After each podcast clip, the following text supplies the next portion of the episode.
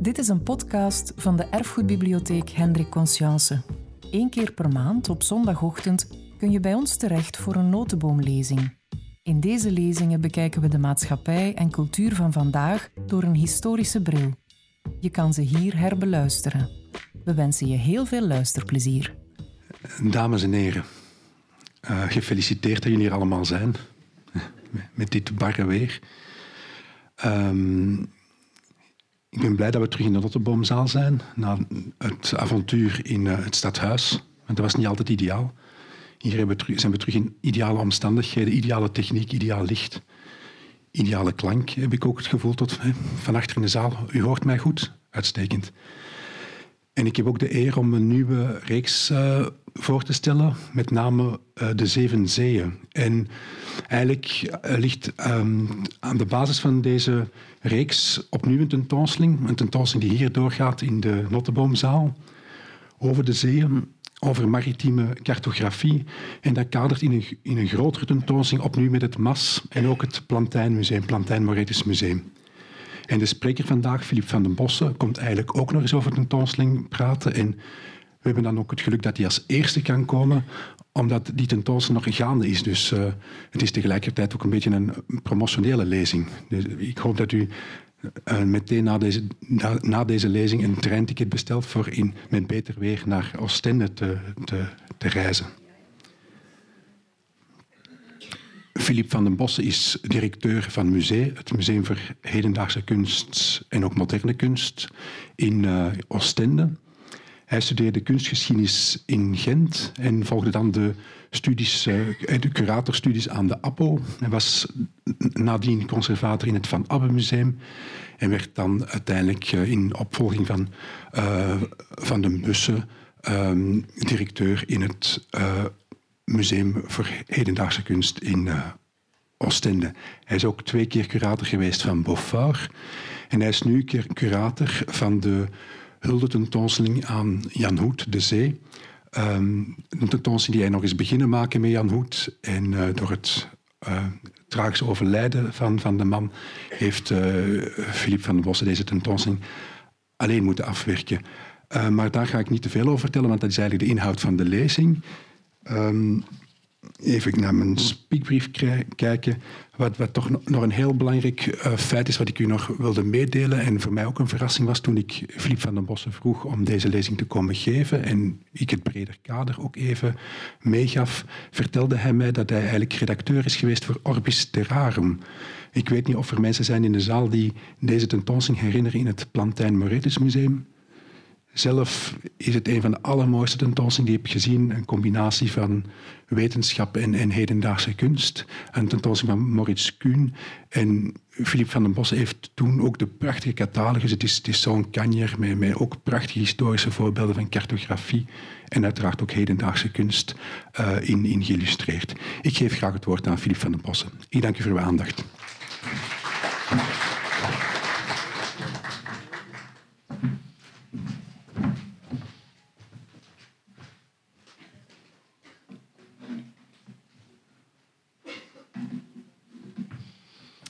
Ja, een goedemorgen. Uh, het is werkelijk een eer om hier vandaag deze lezing te mogen geven in deze ongelooflijke zaal, in deze ongelooflijke mooie bibliotheek met boeken. En uh, zoals Koen ook reeds aangegeven heeft, ik ga een beetje de achtergrond schetsen van hoe de tentoonstelling De Zee, een hommage aan Janoet, tot stand is gekomen de afgelopen twee jaar ongeveer. Maar ik heb ook in functie van uh, deze uitnodiging een aantal extra elementen toegevoegd aan de lezing die de verbinding willen maken richting de cartografie en richting de lessenreeks. En die mij, zoals Koen hier net aan het einde ook vertelde, hebben teruggebracht naar een aantal herinneringen van, ik ben het ook even vergeten, 10, 15 jaar geleden, de tentoonstelling Orbis Terrarum. En uh, ook de verbindingen daar tussen cartografie en tussen hedendaagse kunst. Ik hoop dat de afbeeldingen goed zichtbaar zijn, maar ik zal ze ook telkens um, met woorden proberen verder te illustreren. Dit is een brief die ik eigenlijk ontvangen heb één dag na de opening van de tentoonstelling. De tentoonstelling De Zee is geopend eind oktober. En één dag na de opening kreeg ik vanuit New York een brief van een kunstenaar, Michael Ross. En hij stuurde mij een map of the sea voor Jan Hoed. Waarbij u ook kan zien dat hij twee windrichtingen even omgedraaid heeft. Maar het poëtische gegeven voor mij om een map van de zee te maken, is iets waar dat wij ook eigenlijk heel lang bij stilgestaan hebben. Omdat, als ik een stukje mag voorlezen, dan is er een uitgangspunt dat ook als een rode draad doorheen ik zou niet zeggen de tentoonstelling, maar zeker ook deze lezing loopt. En dat is, de zee is bij uitstek een gladde ruimte als je daar filosofisch naar kijkt. De zon, de maan en de sterren reizen als nomaden over het open wateroppervlak. Ze bepalen het geluid, de kleur en de verhouding van de zee tot de sterren, maar laten geen blijvende sporen achter. Zon, zee, sterren, maar je hebt het gladde oppervlak. Pas toen de mens de zee is gaan bevaren, is ook de nood ontstaan op de zee met lijnen en markeringen onder te verdelen, in kaart te brengen meetbaar te maken. In het gladde oppervlak zijn op deze manier steeds meer groeven gekomen. Het valt samen met de grote ontdekkingsreizen, ook de slavenhandel, en het moment waarop Europa zijn macht en manier van denken over de wereld heeft verspreid. Ik lees dit voor omdat die twee elementen, ik heb mij tot en met vandaag vraag ik mij de vraag altijd af van wat is dat nu? Dat cliché, je gaat over de zee praten, is het een cliché? Waarom spreekt het zoveel mensen aan? Waarom heeft het door de eeuwen heen en tot nu en straks kunstenaars geïnspireerd? Um, voor mezelf heb ik in, in deze omschrijving heel veel teruggevonden, die twee punten. Dus de zee bij uitstek, die gladde ruimte zon, maan en ster. En anderzijds dat markeren, dat in kaart brengen van die zee. Ik kan het misschien met een kaart tonen. Het is de zeeatlas of de waterwereld uit 1669 eh, van Pieter Goos. Was een uitgever. Um, het waren kaarten die gekopieerd waren van Hendrik Donkers, zijn atlas. Maar omwille van de versieringen ook uh, meer bedoeld voor een bibliofiel dan voor de zeeman. Maar ik denk dat deze kaart mooi al laat zien wat ik bedoel ook met die markeringen. Ik heb er een tweede voorbeeld ingezet. Ik ben terug naar de catalogus gegaan, Koen van Orbis Terrarum. Um, dat is de Spiegel der Zeevaart uit 1584 van Lucas Janszoon Wagenaar. En hij bracht alle kusten voor de scheepvaart in kaart. Het is een atlas geweest die um, enorm belangrijk is geweest voor de zeevaart, vooral in de Nederlanden. Um, omdat hij ook aanduidde bijvoorbeeld uh, hoe gevaarlijk of niet, of hoe breed of hoe dun de vaargeul was bij havens. Waarom laat ik die twee kaarten ook zien? In functie van het beeld dat ik hier net liet zien, die brief die van een kunstenaar kwam om Jan Hoed een, uh, een map voor de zee te sturen. En eigenlijk in een van de eerste gesprekken die Janoet en ik hebben gevoerd, was er eigenlijk ook dat idee van we willen die zee niet tonen, we willen vooral bezig zijn met het feit dat wij als mens steeds andere dingen projecteren op die zee. Wij staan daar, wij kijken naar die zee en eigenlijk gaat het steeds maar weer om projecties van ons als mens op die zee. En dan kom je eigenlijk bij een eerste beeld, een foto, Dirk Braakman. Toen Jan Hoed werd gevraagd om een tentoonstelling te maken in Oostende, heeft hij heel snel tegen het stadsbestuur, tegen de schepen van cultuur, verteld dat hij eigenlijk twee wensen had. De eerste wens was dat hij een historische tentoonstelling in het museum wilde maken. En ook de stad in wou gaan, op een aantal locaties hedendaagse kunst brengen, maar daar ga ik straks meer over vertellen. En twee, wat voor mij een hele heer was, dat hij ook met mij wilde samenwerken, dat hij niet alleen de enige curator wilde zijn, maar dat hij een dialoog wilde aangaan met mij. En ik ben totaal, ik ben van een volledig andere generatie dan Jan Hoed. Ik ben ook nooit uh, uh, bij hem um, op school geweest of uh, cursussen gevolgd of in het museum rondgelopen in Gent. Maar dat vond ik een heel prettig uh, uitgangspunt om voor het eerst eens met Jan Hoed, waarvan we allemaal heel veel verhalen al hadden gehoord, heel veel tentoonstellingen van hadden gezien, om met hem te kunnen samenwerken. En in een van die eerste gesprekken is natuurlijk ook heel snel de vraag gekomen van is er een eerste beeld uh, van waar de tentoonstelling of waarmee we de tentoonstelling naar buiten kunnen brengen. En dat eerste beeld is een opdracht geweest die Jan Hoet aan de Gentse fotograaf Dirk Braakman heeft gegeven. En dat is deze foto geworden, die ik hier toon zonder de typografie, zonder de belettering van de tentoonstelling. Um, en misschien even toch ook vertellen hoe dat Dirk Braakman vaak te werk gaat, is hij is niet um, naar Oostende gekomen. Hij is niet naar de Noordzee gegaan om nieuwe foto's te nemen, maar hij is in zijn archief gaan zoeken naar beelden die hij reeds vroeger had gemaakt. En wat hij wel vaker doet, is dat hij dan in zijn studio met artificiële belichting, met spots, zijn foto, die afgedrukt is, opnieuw gaat uitbelichten om die van daaruit opnieuw te fotograferen. En dat is eigenlijk wat je ziet, is een foto van een foto met weer extra belichting op die afdruk van een foto dat hij vroeger heeft gemaakt. Dit kon ik ook niet laten. Dit was gisteren. Um, dit weekend loopt in Oostende een festival rond muziek, literatuur, performance. Uh, we hebben dat de naam gegeven Chambre d'eau. Do van Oostende. En Chambre naar Chambre d'Ami, de grote tentoonstelling die Janout in 1986 in Gent heeft gemaakt. En Antwerpenaar, jonge Antwerpse kunstenaar Vaast Colson is dit, die ook een werk heeft gemaakt voor de tentoonstelling als hommage aan Janout, maar die gisteren een lezing gaf in een huiskamer en um, ja, hij komt straks nog eens terug. Uh, hij heeft daar verschillende variaties op gemaakt op die tekst. Zoals ik kort al zei, het is een tentoonstelling die Jan Hoet wilde maken en die eigenlijk ook samenvat, in mijn ogen, waar Jan Hoet zijn hele carrière als tentoonstellingsmaker, als museumdirecteur om omgaat. Um, hij wilde een tentoonstelling maken die niet alleen binnen de muren van het museum zou blijven.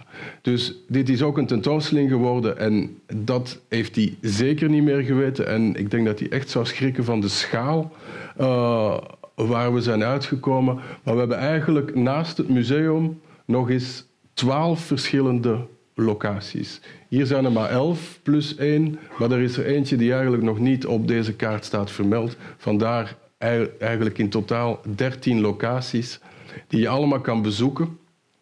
Want voor mij is Jan Hoet iemand geweest, als je dat in twee zinnen zou samenvatten, die altijd op zoek was naar een museum zonder muren, een tentoonstelling zonder grenzen. Of een museum zonder grenzen of een tentoonstelling zonder muren. Hedendaagse kunst moest altijd naar buiten gaan mocht niet altijd binnen die muren van het museum blijven. En ik denk dat dat gelukt is. Dat is zo'n soort van mini mini-kassel, mini-documenta-gevoel ook die we, die we hebben willen creëren in Oostende. Ik ga later nog meer vertellen over die verschillende locaties, maar dit even als kaart. Dit ook gewoon als lijst om ook aan te tonen. Dit is een tentoonstelling geworden waar uiteindelijk werk is te zien van 150 verschillende kunstenaars. Sommige zelf met meerdere werken, dus in totaal meer dan 300 kunstwerken. Dat zijn maar aantallen, maar het geeft ook aan welke ambitie Jan Hoet vanaf het begin heeft gehad voor deze tentoonstelling en waar hij naartoe wilde gaan. Nu moet ik even stilstaan bij het ontstaansproces van de tentoonstelling, bij de eerste gesprekken die wij hebben gevoerd. En dat was in het najaar van 2013. We zijn toen eigenlijk een aantal maanden lang zo goed als één keer om de twee weken samengekomen in Oostende om een volledige dag te werken aan de tentoonstelling. En rond kerstmis, rond 23 december 2013, waren we klaar met wat we noemden de historische selectie. Want vanaf dag één was duidelijk dat we een tentoonstelling wilden maken die zou beginnen vanuit één punt. En dat ene punt, dat is een punt dat Jan Hoet had aangegeven, dat was een schilderij van Gustave Courbet, een golf. Gustave Courbet heeft in een korte periode een aantal van die golven geschilderd. Waarom was dat zo'n belangrijk schilderij? In de eerste plaats, en dan geef ik even de woorden van Jan voor hem was dat een crisismoment. Als hij keek naar het oeuvre van Courbet, dan zei hij ook van kijk, dit is ook geen marine meer, maar op een bepaalde manier gaat het om alleen maar die golf. Die golf wordt het hoofdpersonage. Het is geen zeegezicht. Het gaat eigenlijk om dat dramatische moment van die ene golf die komt, la vague. En voor hem, voor Jan Hoed, was dat ook eigenlijk een soort van, ja, soort van begin van de moderne kunst, zou je kunnen zeggen. Maar wat hij vooral ook bedoelde met het woord crisismoment, is, kijk, zegt hij, als we dit eens verder gaan onderzoeken, is het misschien zo dat de zee als onderwerp wel vaker terugkomt in het uiveren van kunstenaars als een soort van breekpunt, als een soort van tussenmoment dat ze een andere richting inslaan. Bij Courbet is dat zo. En vandaar dat hij dat wilde als een soort van opening van de tentoonstelling wilde brengen. En ook in zijn denken over de tentoonstelling en over de zee. Om verbindingen te leggen tussen moderne kunst, tussen de 19e eeuw en de 20e eeuw en ook hedendaagse kunst. Uiteraard was er vanaf het begin ook als uitgangspunt dat we gingen werken rond Oostense kunstenaars zoals James Ensor, Spiljart, kom ik straks ook nog op terug. Maar dat ene schilderij, die golf van Courbet, dat was een centraal of een, een van de belangrijkste beginpunten. Denk ook, als je terug kijkt naar wat ik hier net vertelde in mijn inleiding, dat die vaak van Courbet ook al een soort van eerste projectie is. Um, dus dat denken over die zee wordt eigenlijk een soort van projecteren op die golf. Um, ja, dat is toch een manier waarop ik er naar kijk. Dit is um, de openingsruimte van de tentoonstelling. Ga zo meteen even wat over de verschillende elementen vertellen. Maar dit is natuurlijk al een moment geweest die, um, die ook het verschil maakt. Omdat, zoals ook Koen hier net in de inleiding kort heeft verteld, Jan Hoed is begin 2014 ziek geworden, is in het ziekenhuis beland en overleden op uh, eh, 27 februari. Um, en dat betekent dat eigenlijk vanaf januari 2014 wij geen enkel overleg meer hebben kunnen voeren met hem. En eigenlijk ook niet hebben kunnen praten over hoe gaan we dan verder. Want rond kerstmis waren we klaar met die historische selectie. Daar waren we vrij ver in gegaan. We hadden ook een, een B-keuze, een C en een D-keuze. Want we weten heel goed, als je een aantal bruikleenbrieven verstuurt naar musea, dat het best ingewikkeld kan zijn om de juiste schilderijen te krijgen. Zoals bijvoorbeeld een schilderij van William Turner. Het was duidelijk dat we dat absoluut naar Oostende wilden halen, in dialoog met Ensor brengen, um, wetende dat het heel moeilijk zou zijn. Verder wisten we ook onmiddellijk dat we een nee zouden krijgen op een andere bruikleen, maar toch hebben we die brief verstuurd. We wilden heel graag de monnik van Caspar David Friedrich uit Berlijn naar Oostende halen. We lachten al toen dat we onze handtekening onder de brief zetten van dit lukt nooit. Maar als intentie was het heel belangrijk om hem te versturen, omdat hij ook het denken laat zien achter de tentoonstelling. Daarom ook zie je in de catalogus die we nu hebben gemaakt wel een afbeelding van die monnik van Caspar David Friedrich. Zelf al zit hij niet in de tentoonstelling. We hebben het wel in het boek gezet om visueel ook dat denken over de tentoonstelling naar, naar boven te brengen. Maar dus we waren, zoals ik net zei, klaar met die historische selectie. Maar dat denken over moderne kunst, laat staan over hedendaagse kunst, dat was een gesprek die we eigenlijk zo goed als niet hadden gevoerd. Uiteraard waren er een paar namen gevallen. Maar dan stelde zich echt het probleem voor mij ook een stukje zelf een ethisch probleem van hoe ga je daarmee om? Hoe ga je een tentoonstelling afmaken van zo'n groot tentoonstellingsmeneermaker als Jan Hoed zonder Jan Hoed? Um, want vanaf het begin was ook duidelijk dat de stad zeker wilde verder gaan met die tentoonstelling. Ik heb toen het geluk gehad dat ik uh, voor een bruikleenvraag naar Londen ging. En tijdens een lunch met Chris Derkon, uh, directeur van Tate Modern, kwam het gesprek over uh, deze tentoonstelling, of op deze tentoonstelling, en het ziek zijn van Janoet. En is eigenlijk ook het idee ontstaan van een herdenking, van een hommage aan Janoet. We hebben het geluk gehad om dat nog even kort met hem te kunnen bespreken via zijn familie. En hij heeft ook zijn goedkeuring gehad.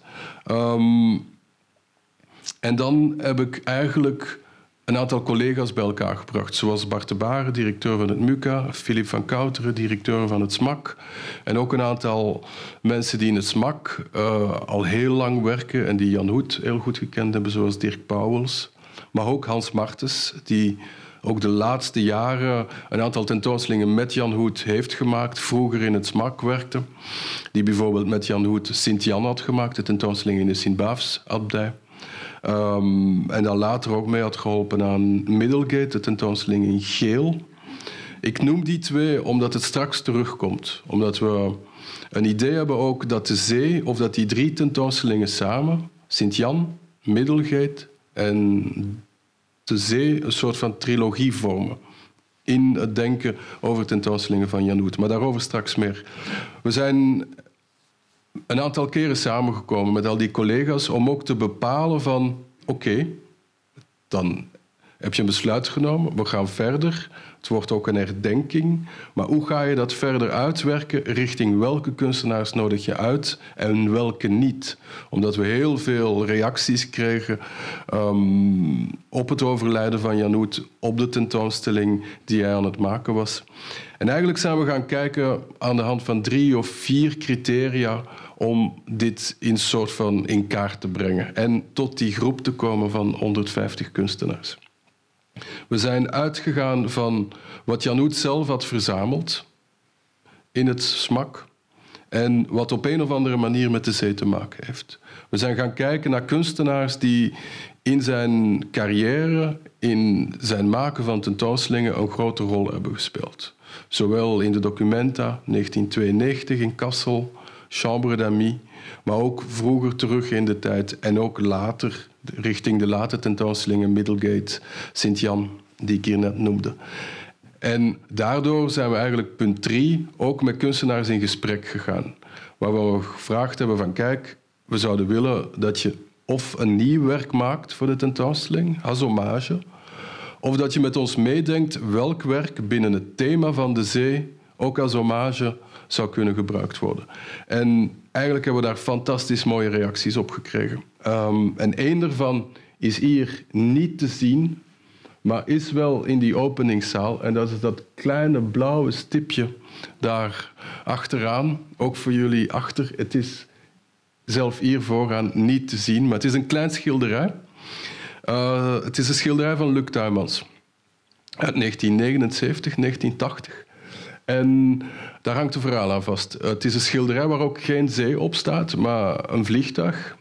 Het is The Spirit of St. Louis van Lindbergh, waarmee Lindbergh de Atlantische Oceaan in één vlucht overgevlogen is. Het is een schilderij dat Jan Hoed um, in de studio in het atelier van Luc Tuymans heeft uh, gezien en ook gekocht. En dat ook tijdens zijn allereerste contact, allereerste ontmoeting met Luc Tuymans. Dat is eigenlijk de anekdote die daarachter zit. En toen we Luc Tuymans uh, opbelden met, met die vraag van welk werk zou je, zou je selecteren, dan zei, zei hij onmiddellijk dit. Dit is voor mij zo met Jan Hoed verbonden, met mijn geschiedenis met Jan Hoed. En het schilderij uh, is tot een tiental jaar geleden in bezit geweest van Jan Hoed, maar heeft hij toen verkocht. Dus was terug naar Amerika beland. Maar dankzij ook uh, de assistenten van Tuymans hebben we het schilderij in bruikleen kunnen geven. Of kunnen krijgen, sorry. Um, misschien iets meer nog over die Spirit of St. Louis. Het is altijd prettig om nog wat verder opzoekingen te doen, te duiken in Google, vooral vandaag de dag. En dan te ontdekken dat op het moment dat Lindbergh landt in Parijs, start hij een dag later ongeveer een soort van Europese zegetocht. En vliegt hij in eerste instantie van Parijs naar Brussel. In Brussel wordt hij door de koning ontvangen op de grote markt. We kunnen ons dat vandaag niet meer voorstellen. En er zijn een aantal websites te vinden waar je ook ziet waar dat luchtvaartliefhebbers uh, of ook liefhebbers van de geschiedenis van de luchtvaart ook in kaart hebben gebracht welke vliegroutes Lindbergh heeft genomen tijdens zijn zegetocht. Heel lang verhaal om kort tot iets te komen waarvan jullie waarschijnlijk al denken van ja, dat zat eraan te komen. Maar Lindbergh is dan vanuit Brussel naar Londen gevlogen en je kan heel goed zien dat hij het kanaal overgevlogen is, zo echt aan het punt van Oostende. Ik heb dat mee opgenomen in een korte inleiding. Het heeft er niets mee te maken. Waarom het schilderij daar hangt, uh, heeft alles met Jan Hoed te maken. Maar vandaar ook dat we het als een openingsmoment um, op het gelijkvloers hebben gebracht. Dan is er um, aan een andere wand een vrij groot werk, ook voor jullie denk ik heel moeilijk te zien, is een werk van Henri Matisse. Is een laatwerk van Matisse en zit momenteel in de collectie van het Koninklijk Museum van Schone Kunsten in Brussel. Is een werk eigenlijk ook in oplagen. Is, um, dus Matisse kon op een bepaald moment niet meer tekenen en schilderen en heeft eigenlijk ook weer voor zichzelf een nieuwe manier van kunst maken ontdekt. En dat was met een schaar en papier uitknippen. En dit is eigenlijk een werk die op die manier is ontstaan. Waarom hebben we dat werk uitgekozen? Ook hier weer omdat er een verbinding is, een link is met het leven van Jan Hoed. Dit werk van Matisse, en het is ook um, eigenlijk Samen met, wat is een tweeluik eigenlijk. Er is in België in een publieke collectie geen enkele Matisse te vinden, alleen maar in Brussel. En dit werk zat oorspronkelijk in de collectie van de vader van Jan Hoet. En is later in de collectie in Brussel beland. Vandaar dat die twee werken bij elkaar zijn gekomen. En dan als een hommage aan Jan Hoet, want ook ik heb eigenlijk de tentoonstelling verder afgemaakt met een aantal assistent-curatoren, Mieke Mels, Melanie de Boete en Hans Martens als adviseur. Heb ik heel snel ook het beeld in mijn hoofd gehad dat ik de tentoonstelling wilde beginnen bijna met een solo-tentoonstelling. Want de werken die u daar allemaal um, ziet liggen, die op de grond zijn aangebracht, maar ook langs de zijkant, zijn allemaal werken van Bernd Lohaus die ook niet heel erg lang geleden overleden is, een tweetal jaar geleden.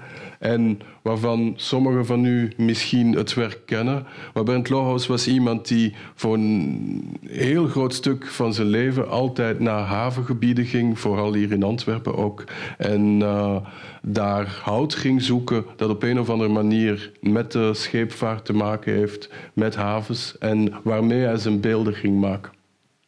En dat is eigenlijk de openingszaal geworden van onze tentoonstelling. Ik sla een paar zalen over, want ik denk dat ik alleen maar een, soort van impressie kan geven van waar de tentoonstelling naartoe is gegaan. Dit is een beeld, een sculptuur van Thomas Schutte. En verwijst ook naar een figuur die echt bestaan heeft, de Franse zeiler Alain Colas. Alain Colas is een Franse zeiler geweest die in de jaren 70 ook als eerste uh, een poging wilde ondernemen om een tocht rond de wereld alleen te maken. Wat niet gelukt is, hij is verdwenen op zee. En dat beeld um, heeft de Duitse kunstenaar Thomas Schutte van hem gemaakt. Hier weer precies hetzelfde verhaal als met Luc Tuymans. Wij contacteerden Thomas Schutte met de vraag van welk werk zou je zelf kiezen binnen het thema van de zee en als hommage aan Jan, aan Jan Hoed. En hij heeft uh, vrij snel na onze vraag dit werk voorgesteld dat in een privécollectie in Zwitserland zit en dat op deze manier ook naar Oostende en weer eens naar buiten kan komen. Ik heb met Jan Hoed over Jean Brusselmans gesproken. Um, maar ik heb niet meer met hem over dit plan kunnen spreken. Dit is een soort van persoonlijk um, element binnen die grote tentoonstelling, ook voor mij. Is een aantal jaar terug hebben we een grote solo-tentoonstelling in het museum gemaakt rond Jean Brusselmans. En een van de wensen toen was om deze twee schilderijen bij elkaar te brengen. Jean Brusselmans heeft van het onweder twee versies gemaakt. Versie in 1936 en een versie in 1938. Uh, het ene werk zit in onze collectie, in Oostende. En het andere werk zit in een privécollectie. Hier, voor deze tentoonstelling, is het gelukt om ze allebei bij elkaar te brengen. Het is ook um, een moment, denk ik, dat een brug maakt als je kijkt naar die golf van Gustave Courbet en je kijkt ook eigenlijk naar de manier van schilderen, de manier om over moderne kunst na te denken van Jean Brusselmans.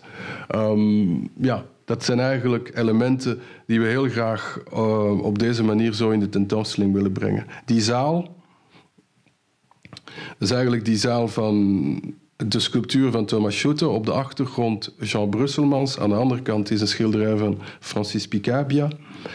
Toont verder ook een groot aantal A4 ingelijste bladen waarop getekend is.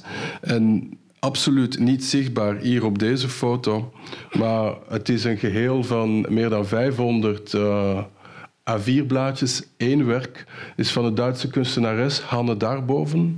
Het werk heet Der Zand. En gaat voor een stuk terug naar de buurt waar ze opgegroeid is, maar vertelt ook over de romans van de Franse schrijver Georges Sand. Um, en vertelt ook verhalen over golven. Heel veel bladen hebben een soort van golftekening. Hier hoort eigenlijk een niet-inhoudelijke anekdote bij, is tijdens um, het installeren van dit werk had de technische ploeg de opdracht gekregen om uit te rekenen hoe die hoek zou gevormd worden. Dat was vrij makkelijk, omdat we ook wisten hoeveel lijsten er waren. Ze waren allemaal genummerd was ook vrij makkelijk om ze allemaal op te hangen. Alleen waren ze bijna klaar met al die lijstjes met spijkers op te hangen. Toen bleek dat er acht lijsten over waren. Geen zes, want u ziet bijvoorbeeld dat het rijen van zes zijn, maar er waren acht lijsten over. En Anne daarboven had ook nog eens een proloog gemaakt. Dus ze had een nummering van 1 tot 8 en daarna een nummering van 1 tot 500 en zoveel. Dus dat betekende dat alles terug van de muur moest, omdat het allemaal terug opnieuw opgehangen moest worden. Kleine anekdote tussendoor.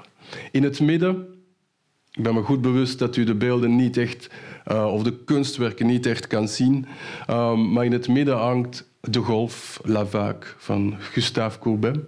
Vanaf het begin ook en dat is ook uit gesprekken met Jan Hoek, met Jan Hoek naar voren gekomen, was die wens om hedendaagse kunst samen met moderne kunst te tonen. Als we denken aan Jan Hoet, dan denken we altijd aan iemand die zijn hele leven lang alleen maar met hedendaagse kunst is bezig geweest. Wel uit de gesprekken die ik met hem heb gehad, uh, vertelde hij van als ik één ding anders zou doen, zegt hij, als ik weer wat meer tijd zou hebben, wat meer jaren zou kunnen terugwinnen, dan had hij eigenlijk meer wat hij ook hier wilde doen, die dialoog willen maken tussen moderne of zelfs 19e eeuw en hedendaagse kunst. We hebben het als heerbetoon aan hem verder gezet, want wat ziet u links en rechts van Lavac van Courbet? Um, Rechts ervan hangt de schilderij van Thierry de Cordier, een kunstenaar die ook vanaf de jaren tachtig in Gent uh, werk is beginnen maken en dat Jan Hoed uh, heel lang uh, heeft gevolgd en ook getoond.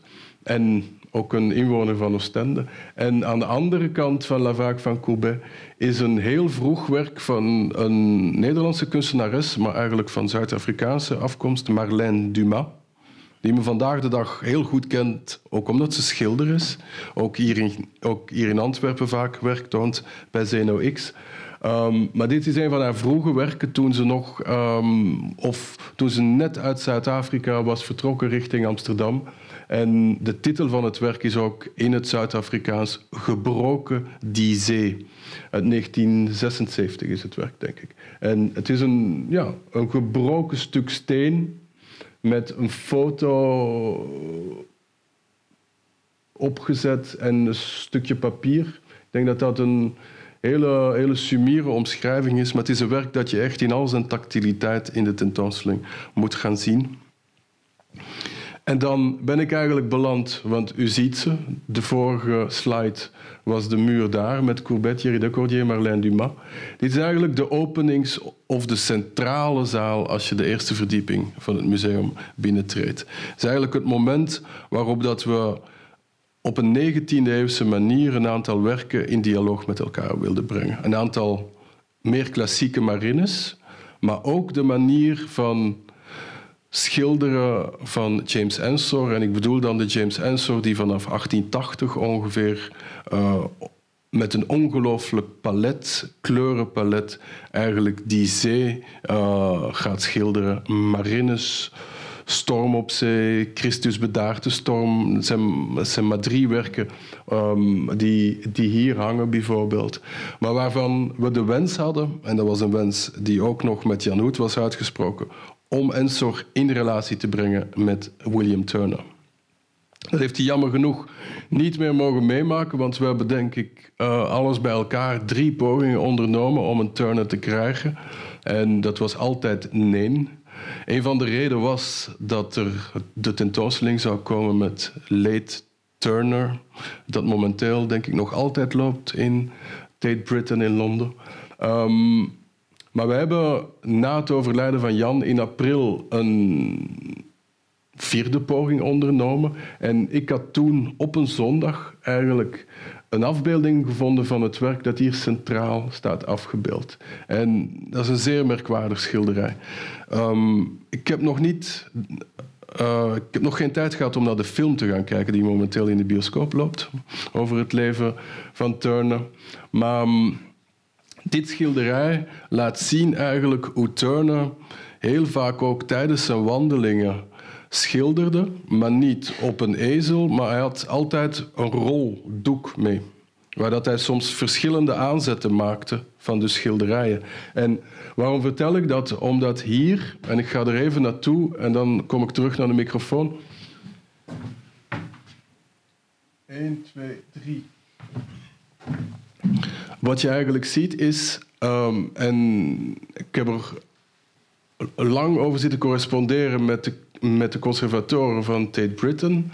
Het is zo goed als zeker dat Turner zelf de uitsnede gedaan heeft van het doek. Maar het is een doek waar eigenlijk drie marines op geschilderd zijn. Eentje onderaan, eentje in het midden en eentje bovenaan, die donkere. En voor die donkere zou je eigenlijk zelf het schilderij moeten omdraaien.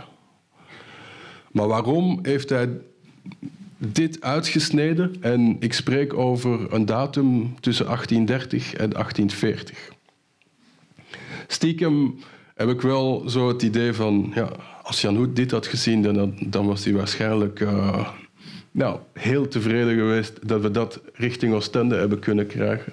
Want het werk uh, zou je bijna als een soort van introductie, en natuurlijk is het dat niet, maar je zou het bijna als een inleiding op de moderne kunst, op hedendaagse kunst ook kunnen zien. Het zou een soort van 19e eeuwse Mark Rothko kunnen zijn. Maar het hangt hier nu recht tegenover die grote marine van James Ensor.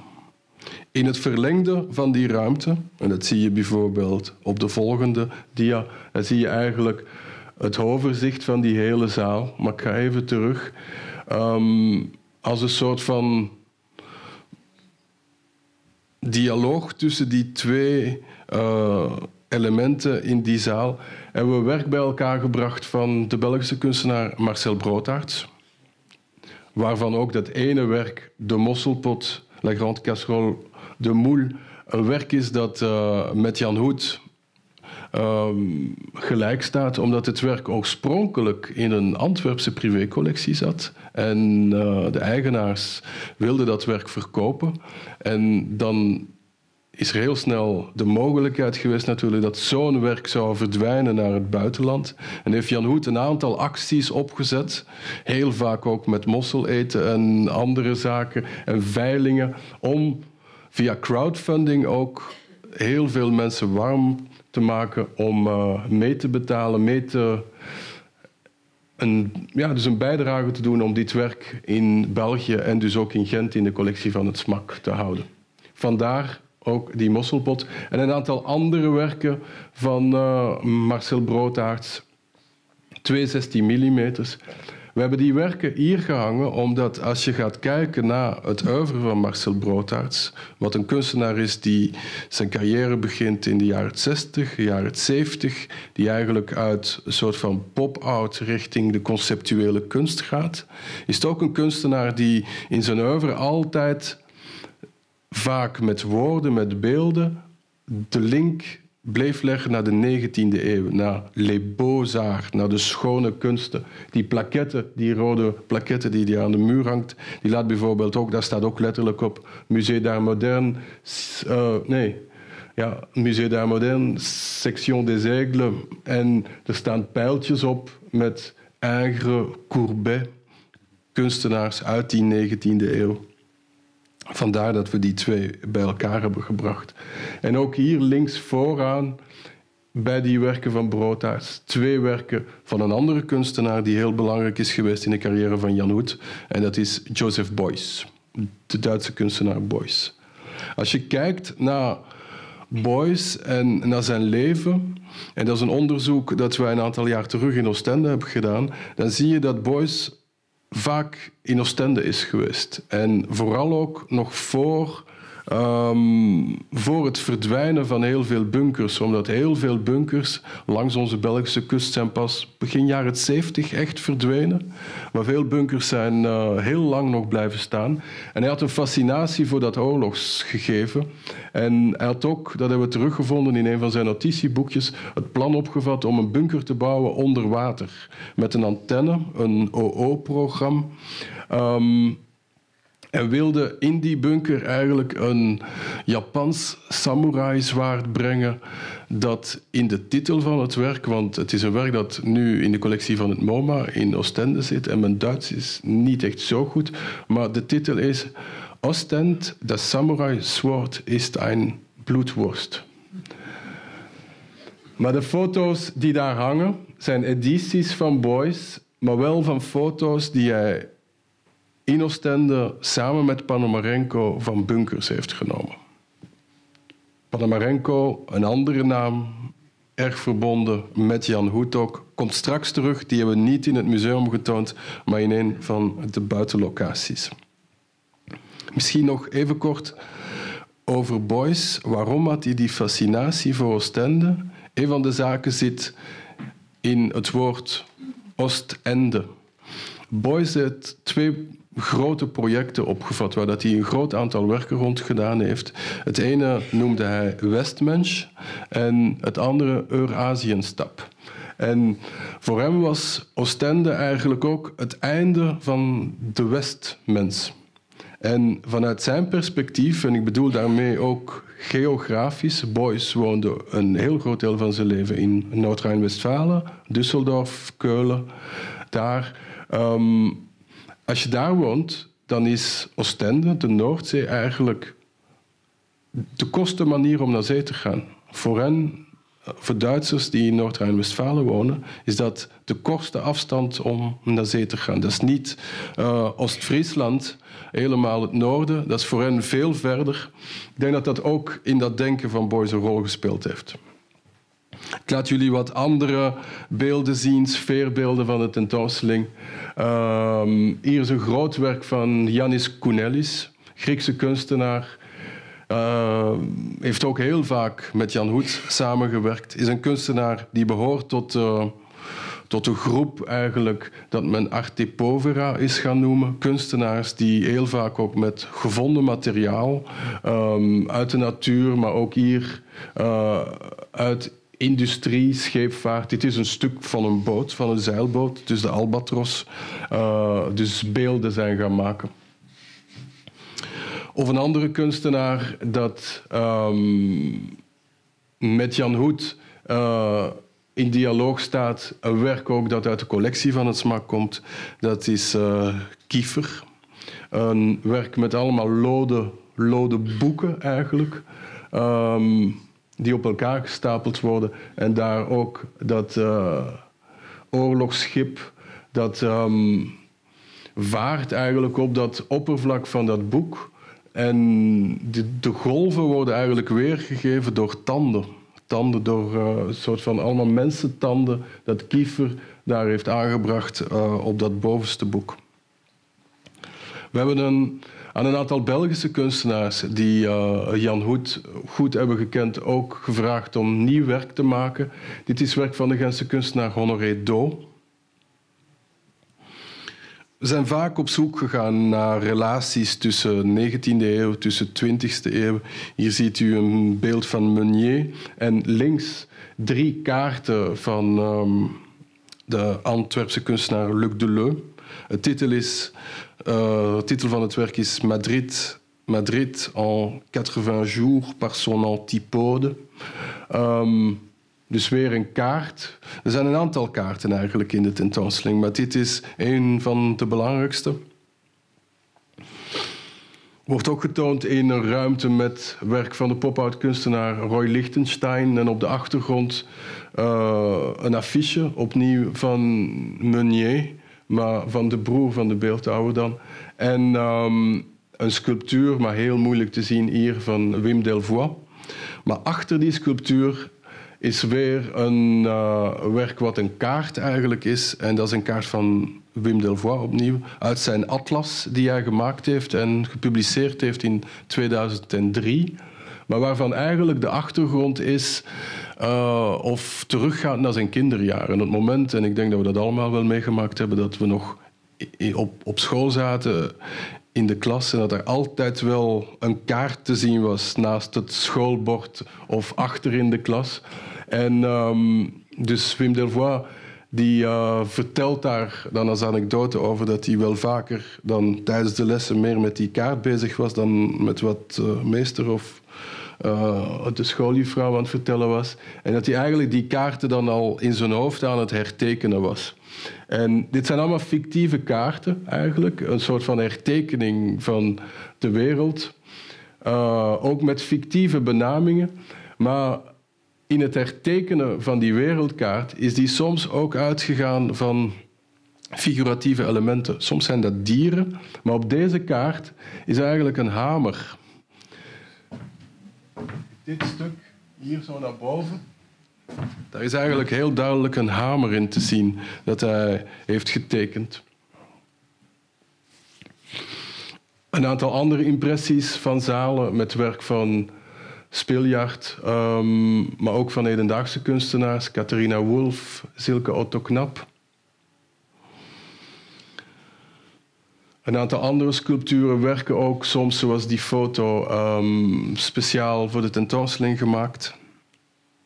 Ik ga wat sneller, omdat er heel veel afbeeldingen zijn. Dit is een werk dat ook uit de collectie van Smak komt. En zoals ik eerder zei, een van de criteria is dat we ook zijn gaan kijken naar grote tentoonstellingen die Jan Hoet heeft gemaakt. Dit is een werk dat komt uit zijn documenta. 1992, documenta 9. Het een werk van de Israëlische kunstenaar Belu Simeon Fenaru. En de titel van het werk is You Always Have to Start Anew. Dit is heel groot afgebeeld, maar dit is gewoon maar een glas met een uh, leeggezogen en ook gekalligrafeerd ei erin en een bootje. Um, ik persoonlijk heb uh, een hele goede herinnering aan dit werk. Uh, de documenta in 92 was de eerste documenta die ik ooit zag. Um, en voor sommigen van jullie die al eens naar een documenta zijn gegaan, dat is echt dat is een gigantisch grote tentoonstelling. En op een of andere manier is dit een van de werken die ik altijd onthouden heb. Uit, uit die hele serie is dit hele kleine werkje mij altijd bijgebleven. En was ook een hele prettige herinnering of ook om te ontdekken dat het werk in de collectie van het SMAK zit. Dat het ook binnen die hele grote groep werken heeft Jan Hoet een aantal werken kunnen aankopen. Vijf, zes die in het document hebben gezeten. En dat hij dan ook dit werk heeft uitgekozen. Oké, achteraf bleek het wel een schenking te zijn, maar tot aan toe. Ik heb verteld dat we kunstenaars gevraagd hebben om nieuw werk te maken. En het is niet met opzet, maar ik moet vaak uh, het woord Antwerpen gebruiken. Maar dit is weer van een Antwerpse kunstenaar, uh, Guillaume Bijl. Toen, uh, toen ik Guillaume Bijl aansprak tijdens de uitvaartplechtigheid van Jan Hoed is er een heel groot feest bijna geweest. Um, op het plein, wat nu het Jan Hoedplein heet, buiten het Smak, was een hele grote koffietafel waar er meer dan duizend mensen waren. En um, ik vroeg Guillaume Bijl of dat hij nieuw werk wilde maken voor de tentoonstelling. Um, ik had hem gezegd van misschien wil je wel een nieuwe film maken, want Guillaume Bijl heeft ooit een filmpje gemaakt uh, waarvan je denkt dat het een filmpje is met James Ensor. Maar natuurlijk, alles is in kaart of alles is artificieel. Um, het is een fictie. En uh, na een paar weken kwam hij met het idee zei van ja, ik ga een schelpenwinkel maken. Dus die schelpenwinkel is momenteel ook in Oostende um, te zien als, als een installatie, want dat is natuurlijk wat Guillaume Bijl doet. Hij neemt een stuk werkelijkheid, of dat het nu een tapijtwinkel is of een schelpenwinkel, en neemt het weg uit die omgeving waar het eigenlijk thuis hoort en plaatst het in die andere omgeving, dat van een museum. En eigenlijk het overzetten, het veranderen van context, maakt dat de installatie ook um, ja, dat het een beeld wordt. Dat je er eigenlijk uh, over, over gaat nadenken. En het klopt tot in de kleinste details. Hè? Dus er is een kassa met een, met een bordje ook. En op dat bordje staat: uh, Ik ben binnen 10 minuten terug of zo. Uh, ja. We hebben, en dat durf ik wel toe te geven, um, Guillaume Bijl is al denk twee keer is teruggekomen om wat schelpen weer uh, aan te voeren, omdat er toch af en toe is een schelp verdwijnt. Uh, het werk staat op het gelijkvloers en zo goed als elke dag gaan mensen met schelpen naar de kassa van de boekenwinkel. En moet dan verteld worden dat het deel uitmaakt van een installatie. Maar het is natuurlijk niet de bedoeling dat er een lint wordt gezet of een bord wordt opgehangen van uh, dit is niet te koop. Zelf al is het 50% zoals u kunt zien. Ja. We gaan buiten het museum. We hebben een aantal kunstwerken niet alleen op andere locaties in de stad, uh, maar ook op een aantal buitenlocaties. Dit is in het Leopoldpark. Dat is tussen het museum en de Grote Post, wat nu een cultureel centrum is. En daar is een werk van Frans West en Hemo Sobernig. En in die grote post die ik net noemde, hebben we een zaal kunnen krijgen om um, een aantal werken te brengen. En die zitten vrij hoog. Die zaal is een gebouw dat um, ontworpen is door de architect Gaston IJsselink, die ook het museumgebouw in de Romestraat ontworpen heeft. Oorspronkelijk niet als een museum, het was een coöperatieve. Um, en is pas in de jaren tachtig als museum opengegaan. Maar hier in de Grote Post hebben we een aantal werken bij elkaar gebracht. Rodney Graham, Dean, Ilse Dollander. Dit is een foto van Rodney Graham. En dat is eigenlijk het beeld waarmee dat we hebben gewerkt. Dit is een, uh, een foto ook helemaal getruckeerd, zou je kunnen zeggen, omdat het een fictie is. Het is een verhaal, een fotoverhaal. Het is ook de kunstenaar zelf die daar zit. En hij zit daar niet als zichzelf, maar als een personage. Dus hij is de wachter van de vuurtoren. En uh, hij zit daar boven in zijn vuurtoren en in al die uren dat hij uh, voor de vuurtoren moet, of op de vuurtoren moet passen, bouwt hij zelf ook in miniatuur kleine vuurtorens. Helemaal achterin bijvoorbeeld is ook een, uh, een hemmer te zien waar dat een aantal letters opgeschilderd staan. Dat zijn letters die weer een referentie zijn naar een werk van Marcel Duchamp. Misschien herinnert u zich een werk van Marcel Duchamp, waar dat Marcel Duchamp de Mona Lisa heeft uh, genomen eigenlijk. En heeft er een aantal letters onder geplaatst. Die letters staan voor Ella cul. En dat is ook aangebracht op die hemmer. Ik weet niet waarom ik dat vertel, maar het zit natuurlijk wel in die referentie. Drie um, vroege werken van Ilse Dollander Um, een oeuvre of een kunstenaar waarvan men vooral ook het late werk kent, het niet-figuratieve werk. Maar dit zijn drie marine, uh, ja, dus drie matrozen, drie mariniers, um, drie aquarellen van haar ook in de stad. En dat is een opdracht geweest aan de Amerikaanse kunstenaar Lawrence Weiner. Hebben we gevraagd of dat hij nieuw werk voor de tentoonstelling wilde maken. En binnen een dag kwam er een reactie en hij zei: Ik wil een werk nemen dat in de collectie van het SMAK zit, van mij. En dat is dit tekstwerk. Dit is ook een kunstenaar die uit de jaren 70 komt, uit die periode dat men kunst gaat maken met woorden, met zinnen. Um, en in de collectie van het SMAK zit het werk boven beneden de waterstand. En naar aanleiding hier van dus de zee Salut d'honneur Jan Hoed heeft er de woorden Sail on, puntje, puntje, puntje aan toegevoegd. En dat zijn grote vlag, vlaggen, grote wimpels die we in verschillende formaten hebben laten maken. En die de eerste weken vooral in dit Mercator-doc, dus als het station van Oostende uitkomt, te zien waren. En ook in het museum aan onze vlaggenmasten hangen. Over het station gesproken, daar hangt een fotowerk van eveneens een, een Amerikaanse kunstenaar, John Baldessari is Brain Cloud. Uh, een grote foto met een wolk in de vorm van een, van een brein, eigenlijk. Opnieuw een hele grote afbeelding voor eigenlijk een vrij klein werk. In een van de locaties in de stad, de Capucijnenkerk, uh, is een kerkje in Oostende, een vrij klein kerkje, waar vooral um, ja, de afgelopen 100, 150 jaar, dat was de kerk altijd tot op de dag van vandaag eigenlijk de grote visserskerk. Een kerk met heel veel attributen die met het vissersleven te maken hebben, dus waar familie van vissers dus naartoe komen. In die kerk hebben we een dialoog, of tonen we, brengen we een dialoog tussen het werk van James Lee Byers, deze twee maancycles eigenlijk. Moon Books heten ze.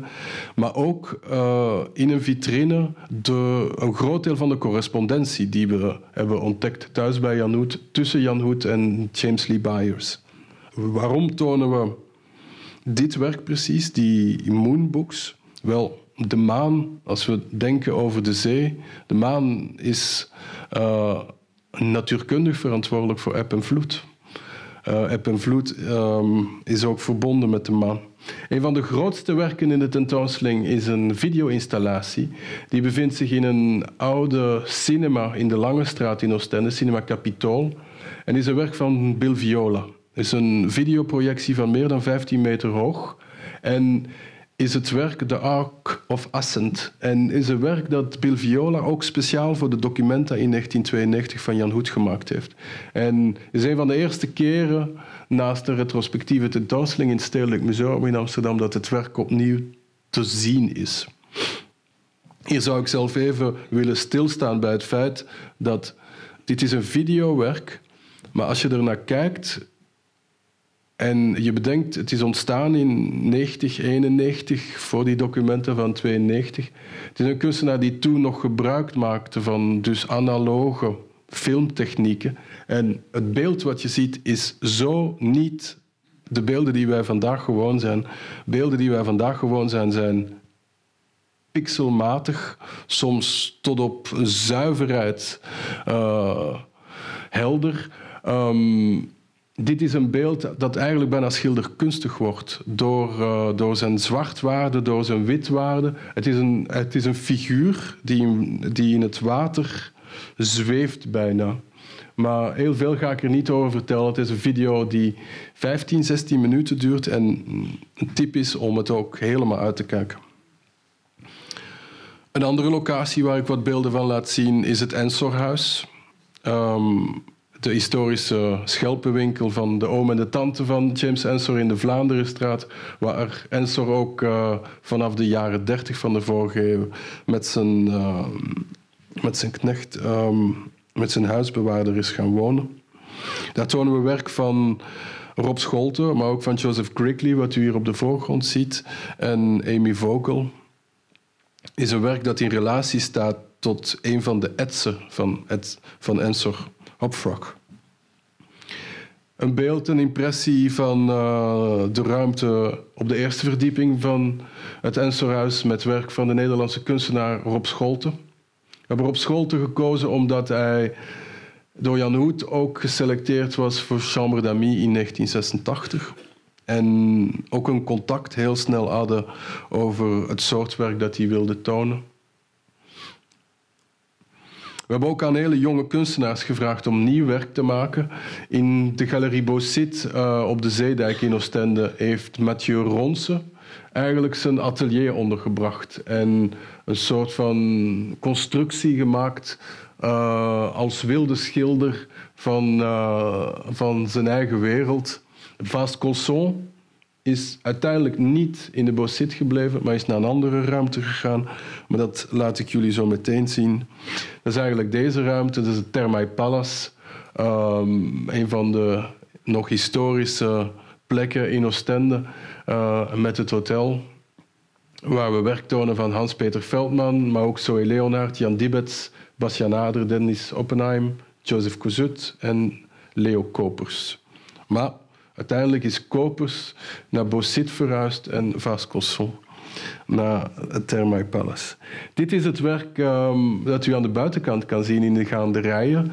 En ik bedoel eigenlijk het neonwerk. Het is een neonwerk over een afstand van meer dan 20 meter. Er is ook een nieuw werk dat speciaal voor de tentoonstelling gemaakt is. Opnieuw door een conceptuele kunstenaar uit de jaren 70, Joseph Kozut. En wat je ziet is het woord betekenis, maar steeds in een andere taal. En voor deze tentoonstelling is eigenlijk de Nederlandse vertaling ervoor voor het eerst bijgekomen. Dit kon ik weer even niet laten. Dat was gisteren, hè, Fast Colson. Uh, het is niet meer, ik heb de zon zien zakken in de zee. Maar hij is eigenlijk 13, 30 minuten bezig geweest in zijn performance met die letters, met die zin, om steeds andere woorden, andere zinnen te maken. Met op de achtergrond ook een soundtrack. Um, en die soundtrack die is ook eigenlijk opgenomen in die installatie hier op de voorgrond van Vaas Colson. Met muziek dat uit een accordeon komt. Maar hij heeft ook zoveel mogelijk geluidsfragmenten die hij heeft gevonden met interviews van Jan Hoed. En die allemaal verknipt tot een soort van nieuwe soundscape. We blijven in het Thermae Palace, is moeilijk te zien, maar is een serie foto's van Bastian Ader. En op de nieuwe Strekdam in Oostende uh, tonen we um, een stukje muziek eigenlijk uh, dat je met je telefoon kan gratis downloaden met die QR-code. Is ook de zanger die erbij zit. Maar een Oostends popgroepje, de Van Jets, die hebben speciaal voor de tentoonstelling een nummer geschreven. En een van hun wensen was ook om ooit eens met Dirk Braakman te kunnen, te mogen samenwerken. Dat is hier gelukt. Niet alleen voor de foto als platenhoes, maar ze hebben ook een video gemaakt van het nummer. En dat is ook opgenomen in de tentoonstelling. Het laatste beeld eigenlijk van mijn lezing is um, een hommage aan Jan Hoed en ook een werk dat Chris Martin heeft gemaakt. Um, Chris Martin is een kunstenaar die Jan Hoed zeer goed gekend heeft. Eigenlijk ligt Chris ook aan de basis van de tentoonstelling Sint-Jan in de Sint-Baafs-abdij dat Jan Hoed heeft gemaakt. Maar oorspronkelijk ben ik ook zelf pas te weten gekomen tijdens het maken van deze tentoonstelling. Was Chris Martin gevraagd om een tentoonstelling te maken in de Sint-Baafsabdij. En hij heeft onmiddellijk Jan Hoed uitgenodigd. Waarom vertel ik dat? Omdat u het ook zelf kan zien, of misschien ook in tijdschriften of op televisie heeft gezien. Um, Chris Martin heeft um, het drieluik, het rentabel van de gebroeders Van Eyck op het strand neergezet, maar dan zonder de panelen um, alleen maar um, het, het, kader, schaal één op één, maar dan in staal uitgevoerd. Um, waardoor dat eigenlijk een soort van nieuw drieluik ontstaat, maar ook vooral die hommage aan Jan Hoed. Dat was mijn schets, dat was mijn overzicht, vlucht over deze tentoonstelling. Ik weet niet of er vragen zijn, maar die wil ik met plezier beantwoorden. Um, uiteraard is de tentoonstelling nog open tot en met 19 april in Oostende. Hartelijk dank.